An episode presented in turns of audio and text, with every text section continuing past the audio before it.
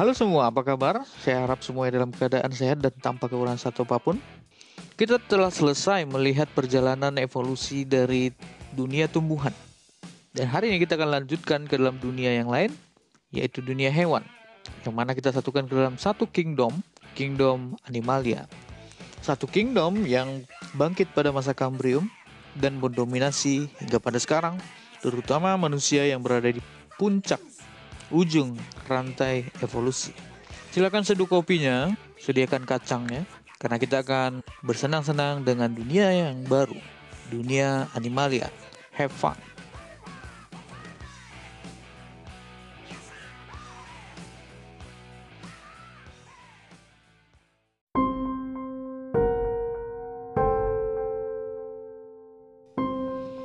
Oke, silakan buka PowerPoint-nya. Kita masuk ke slide yang pertama. Jadi inilah Kingdom Animalia. Ini adalah cerita tentang kita dan cerita tentang sepupu kita.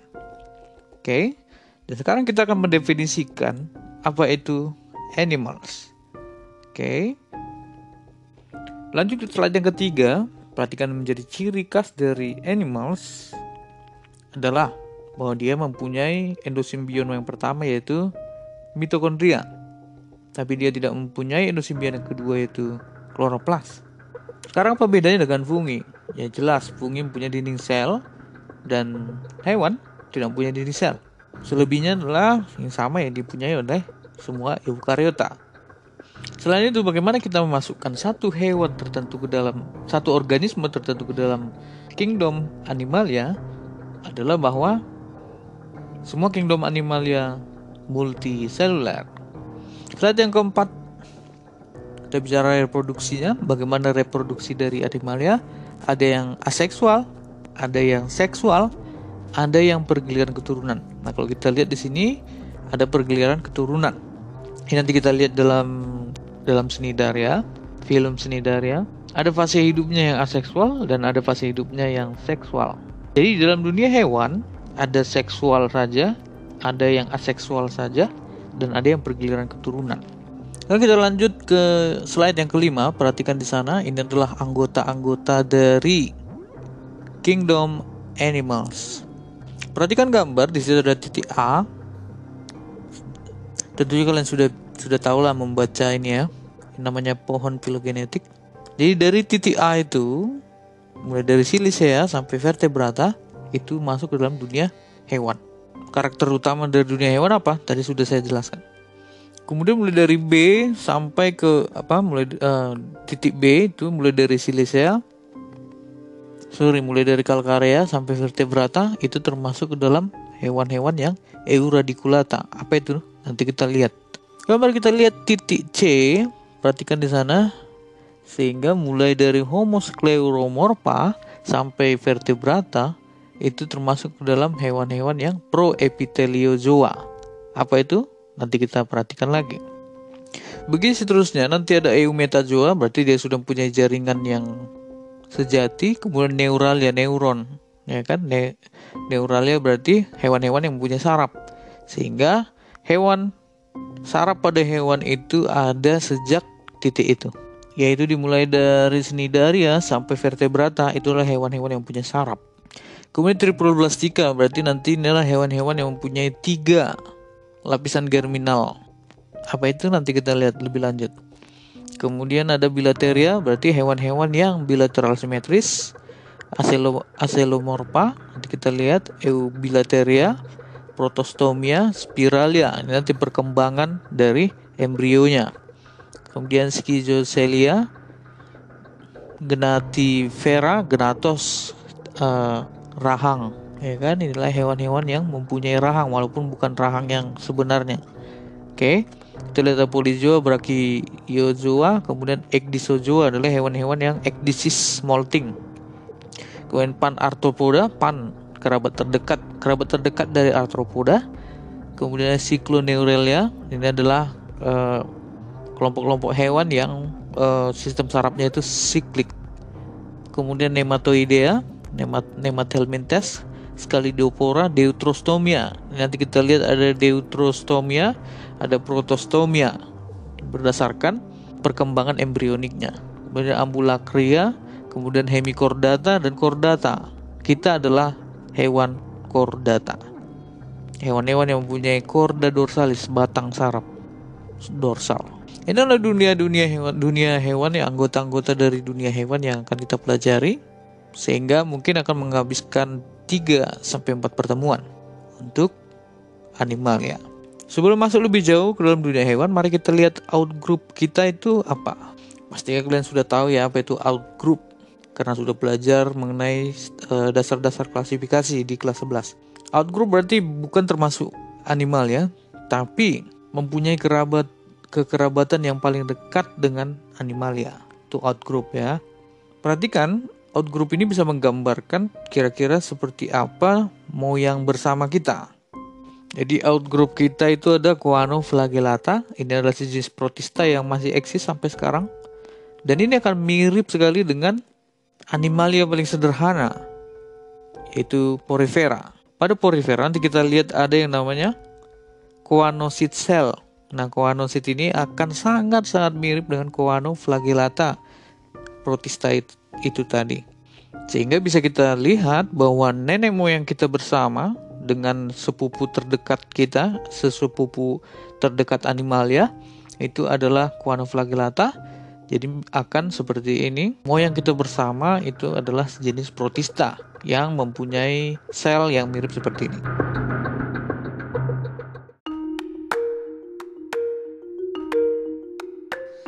Slide yang ketujuh, kita akan masuk ke dalam karakter-karakter kunci.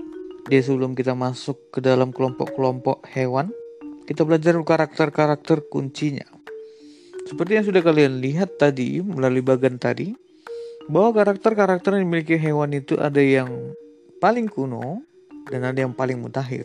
Nanti saya akan menjelaskan bagaimana perjalanan evolusi dari kemunculan karakter tersebut sehingga bisa kita lihat karakter mana yang bersifat kuno, lebih yang paling kuno, yang mana nanti yang paling mutakhir. Mari kita lihat slide yang ke-8. Ini sedikit menjelaskan mengenai apa yang akan saya jelaskan di belakang. Kalian bisa baca sendiri. Mari kita lihat satu persatu slide yang ke-9. Kita mulai dari kelompok hewan Euradiculata. Jadi semua hewan yang dimasukkan ke dalam Euradiculata ini adalah hewan-hewan yang sel-sel bersilianya, akar silianya akan cross striated atau berlurik-lurik yang luriknya vertikal dan horizontal. Ini adalah hewan-hewan Euradiculata. Next slide yang ke-10, kita lihat ada kelompok hewan yang disebut sebagai Proepitheliozoa. Ini adalah hewan-hewan yang uh, membran basalnya itu mempunyai kolagen 4. Ini adalah jenis kolagen. Jadi kolagen di dunia hewan itu banyak macamnya dan kolagen di membran basal dari hewan-hewan ini adalah jenis kolagen 4. Kemudian kita masuk ke Eumetazoa. Apa yang dimaksud dengan Eumetazoa? Ini adalah hewan-hewan yang sudah mempunyai uh, jaringan sejati. Sehingga dia nanti akan mempunyai fase gastrula pada tahap embrionya. Jadi hewan-hewan sebelum hewa, selain hewan Eumetazoa, mereka tidak mempunyai jaringan sejati. Kita lanjut ke slide yang ke-11, kita akan ketemu dengan yang namanya neuralia. Tadi saya sudah jelaskan sebentar, yaitu hewan-hewan yang sudah mempunyai sistem saraf. Nanti akan dimulai dari dunia snidaria. Jadi, hewan-hewan neuralia adalah hewan-hewan yang mempunyai sistem saraf. Di luar neuralia, hewan-hewan tersebut tidak mempunyai sistem saraf. Kemudian baru kita masuk ke kelompok hewan-hewan yang triploblastika. Tri, tiga. Sehingga ini adalah hewan-hewan yang mempunyai tiga lapisan embrionik, yaitu endoderm, ektoderm, dan mesoderm. Sehingga selain hewan-hewan triploblastika ini, apabila dia masuk eumetazoa, pastinya eumetazoa itu adalah diploblastika. Atau sederhananya eumetazoa nanti akan ada dua, ada yang bersifat diploblastika, ada yang bersifat triploblastika. Mana yang lebih kuno, mana yang lebih mutakhir? Tentunya diploblastika itu adalah sifat yang lebih kuno dan yang paling mutakhir itulah triploblastika. Kita sendiri adalah triploblastika. Cara yang paling gampang untuk menentukan uh, karakter yang paling mutakhir pada dunia hewan adalah melihat karakter yang ada pada kita. Karena seperti yang saya bilang tadi bahwa kita manusia berada di puncak evolusi. Sehingga kalau kita lihat karakter ini mana yang lebih kuno, tentunya diploblastika lebih kuno dan yang paling mutakhir itu adalah triploblastika yang sama seperti kita. Sekarang mari kita lihat lebih jauh apa itu diploblastika dan triploblastika. Diploblastika nanti contohnya adalah sinidaria, ubur-ubur. Triploblastika nanti dimulai dari pelatih helminthes sampai kita. Perhatikan gambar di samping adalah gambar perkembangan embrionik dari hewan eumetazoa. Dimulai dari zigot terbentuk 4, 4 sel, 8 sel, kemudian seterusnya seperti itu membentuk yang namanya blastosol bentuknya seperti bola yang ada rongga, bola yang ada rongga di tengahnya. Tahap perkembangan embrionik ini kita sebut sebagai tahap blastula. Sampai sekarang manusia juga mengalami tahap embrionik ini. Embrio ini akan berkembang dengan terdapatnya pelipatan ke dalam dan proses ini kita sebut sebagai gastrulasi. Gastro artinya apa? Perut ya, lambung. Memang pelipatan ke dalam ini nanti akan menjadi lambung kita, sistem pencernaan kita ya lebih tepatnya. Begitupun dengan hewan-hewan yang lain. Perhatikan tahap berikutnya, setelah gastrulasi maka akan terbentuk lapisan-lapisan embrionik. Bagian dalam dari pelipatan itu kita sebut sebagai endoderm. Sedangkan lapisan luarnya itu kita sebut sebagai ectoderm. Nah, baru ter terbentuk ke perbedaan antara diploblastik dan triploblastik. Pada diploblastik dia hanya terdiri atas ectoderm dan endoderm saya ulangi pada triploblastik nanti dia akan terdiri atas sorry pada diploblastik dia akan terdiri atas ectoderm dan endoderm sedangkan pada triploblastik dia akan mempunyai lapisan germinal yang baru yang kita sebut sebagai mesoderm lapisan-lapisan embrionik ini nanti akan membentuk organ-organ tubuh kita seperti jantung, paru-paru, sistem saraf, sistem pernapasan, sistem pencernaan dan sebagainya. Untuk lebih jelasnya, mari kita lihat lapisan-lapisan embrionik ini akan berkembang menjadi apa. Buka slide yang ke-13. Perhatikan di sana bahwa terdapat perbedaan antara kita vertebrata dengan uh, serangga yang merupakan invertebrata. Ada beberapa organ yang kita berbeda munculnya dari mana. Untuk mempermudah, bayangkan tadi perkembangan. Untuk mempermudah perkembangan, untuk mempermudah untuk mengerti perkembangan embrionik, Bayangkan sebuah bola daripada tahap blastula. Bola tersebut ditekuk ke dalam. Hasil tekukan itu adalah endoderm. Terus terus ditekuk terus menerus sampai ke ke bagian ujung sehingga sekarang kita punya bola dengan dua ujung. Masing-masing ujung mempunyai lubang. Salah satu lubang itu adalah mulut dan salah satunya lagi adalah anus. Sehingga endoderm pada vertebrata maupun invertebrata akan menjadi saluran pencernakan. Namun pada vertebrata berkembang alat-alat pencernakan karena pencernakannya lebih lebih kompleks sehingga muncul nanti di sana ada hati, ada pankreas dan sistem pernapasan. Dalam hal ini kita akan berbeda nanti perhatikan di sana sistem pernapasan pada serangga dia muncul dari ektoderm karena sistem pernapasan adalah sistem trakea. Jadi bayangkan tadi bola tadi, nah bagian ektodermnya bagian lu, luar bola tadi, luar balon tadi. Dari situ menekuk ke dalam, membentuk banyak pori-pori, masuk ke dalam tubuh, membentuk sistem pernapasan. Itulah sistem trakea. Berbeda dengan kita, sistem pernapasan kita muncul dari endoderm. Sehingga bayangkan ujung yang satu adalah mulut, ujung yang satu adalah anus. Ujung yang satu ini disatukan oleh saluran yaitu saluran pernapasan. Saluran pernapasan tersebut bercabang membentuk salah satunya adalah paru-paru. Itu kenapa sistem pernapasan dan sistem pencernaan kita adalah satu. Sehingga tidak bisa kamu sambil bicara sambil sambil makan. Kalau tidak percaya silahkan coba. Nah sekarang bagian mesoderm. Coba tadi bayangkan tadi bola tadi bola atau balon yang sudah ditekuk sehingga ada dua ujung. Nah terbentuk ektoderm dan endoderm sehingga di bagian tengah-tengahnya ini kita sebut sebagai mesoderm. Jadi bayangkan dirimu adalah bola, bagian ektoderm itu tentunya membentuk kulit dan sistem saraf. Jadi sistem saraf itu berasal dari ektoderm, bagian terluar dari sistem embrionik kita. Jadi bayangkan dari permukaan bola tersebut tadi, dari permukaan terluar dari balon tadi, terdapat pertumbuhan suatu jaringan yang menginvasi sampai ke dalam tubuh kita termasuk mengisi bagian otak kita. Nah, begitulah perjal uh, perjalanan sistem saraf kita. Nah, kita kembali ke mesoderm tadi. Jadi bola dengan dua ujung. Ujung yang satu adalah mulut, ujung yang satu adalah anus. Kemudian di bagian tengah-tengah dari bola tersebut muncul yang namanya mesoderm. Mesoderm ini akan berkembang. Jadi bayangkan kamu tadi ada bola, berkembang membentuk apa kira-kira? Ya, jelas. Dia akan membentuk sistem skeleton kita, tulang kita. Kan tulang kita di bagian tengah ini ya. Kemudian juga akan membentuk sistem peredaran darah kita, sistem otot kita, dan sistem ekskresi kita ginjal. Begitu pada serangga, pada serangga nanti akan membentuk otot, sistem pembuluh darah, dan jantung. Sistem ekskresinya bagaimana? Berbeda dengan kita, sistem ekskresi kita tadi dari mesoderm. Nah, sistem ekskresi pada serangga, nanti kita akan lihat tubulus malpighinya, itu bercabang dari saluran pencernaan. Jadi ujungnya satu adalah mulut, ujung yang satunya adalah anus, dan salurannya itu, di antara salurannya itu muncul percabangan yang membentuk sistem ekskresi. Saya tahu ini kan sulit untuk dimengerti, sehingga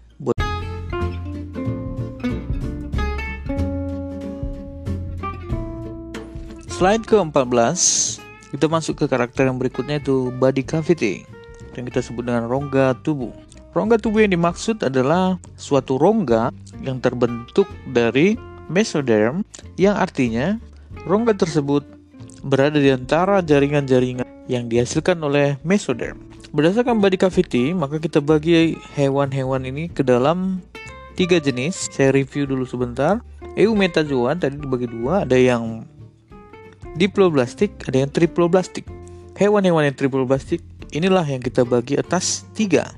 Ada aselomata, ada pseudoselomata, dan ada selomata. Jadi inilah hewan-hewan yang triploblastik.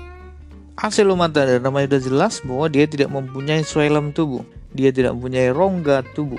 Kemudian berikutnya ada pseudoselomata.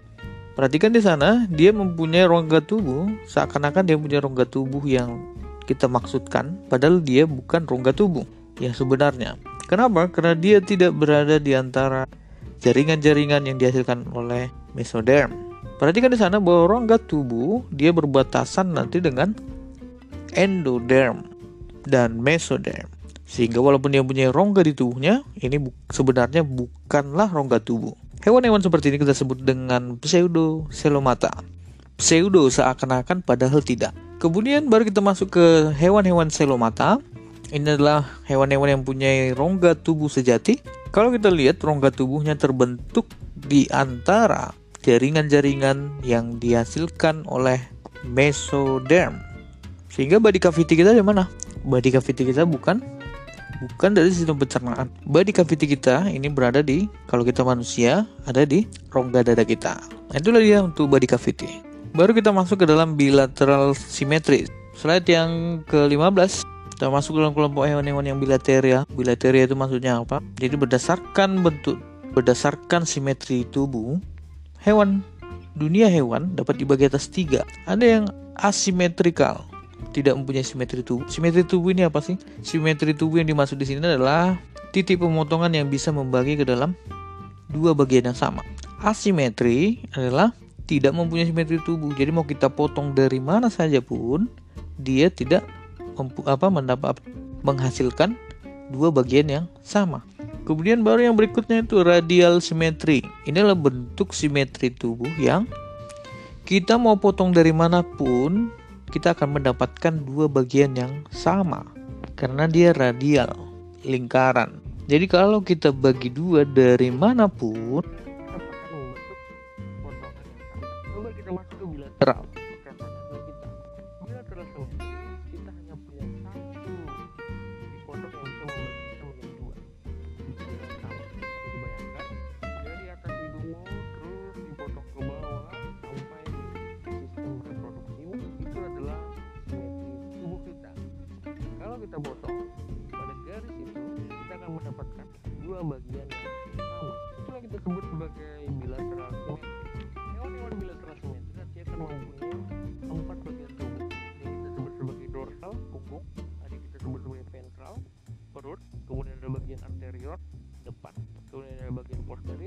belakang. Kalau pada anjing anterior posterior ventral adalah bagian yang berbeda satu sama lain. Tapi bagian kebanyakan pada manusia. Bagian depan manusia itu adalah bagian ventral manusia itu juga. Ventral tadi bagian yang dihadapi oleh bagian perut. Dan bagian posterior kita itu juga adalah bagian dorsal kita. Nah bagian dorsal tadi sehingga bisa kita bilang hewan-hewan bilateria adalah hewan-hewan yang punya simetri bilateral. Lalu bagaimana urutannya dari yang paling kuno sampai yang paling mutakhir? Tentunya asimetris yang paling kuno. Kemudian diikuti baru yang terakhir yang paling mutakhir tentunya yang paling dekat dengan kita yaitu bilateral simetris. Lanjut ke slide yang ke-16. Ada namanya hewan-hewan eubilateria. Bedakan tadi dengan bilateria. Ada hewan yang bilateria tapi bukan eubilateria. Emang apa maksudnya eubilateria? Eubilateria apabila tadi bayangkan embrio tadi seperti bola, kemudian terbentuk tonjolan ke dalam, kemudian tonjolan tersebut terus memanjang sampai ketemu dengan ujung yang lainnya. Ini adalah hewan-hewan eubilateria. Hewan-hewan yang bukan eubilateria, dia hanya melakukan penonjolan ke dalam, tapi tidak sampai ketemu ujung yang satunya. Dengan kata lain, eubilateria apabila terdapat dua ujung dari endoderm tadi. Yang satu adalah mulut, yang satu adalah anus. Nah, itulah hewan-hewan yang eubilateria. Sedangkan hewan-hewan yang bilateria namun bukan eubilateria nanti kita lihat contohnya adalah platyhelminthes. Dia bilateria tapi mulutnya masih adalah anusnya. Lebih jelasnya mari kita lihat slide yang ke-16, sorry yang ke-17. Saya tadi sudah katakan bahwa ada dua jenis hewan berdasarkan ini, berdasarkan bukaannya. Ada yang bukaannya cuma satu, mulut sekaligus adalah anus, dan ada bukaannya ada dua, yaitu satu ujung adalah mulut dan satu ujung adalah anus. Nah, ilustrasinya kira-kira seperti ini. Mari kita lihat slide yang ini yang pertama. Nah, ibaratnya embrio tadi seperti bola, kemudian kita dorong ke dalam sehingga terbentuk penjuluran ke dalam. Ini yang tadi akan membentuk yang namanya endoderm.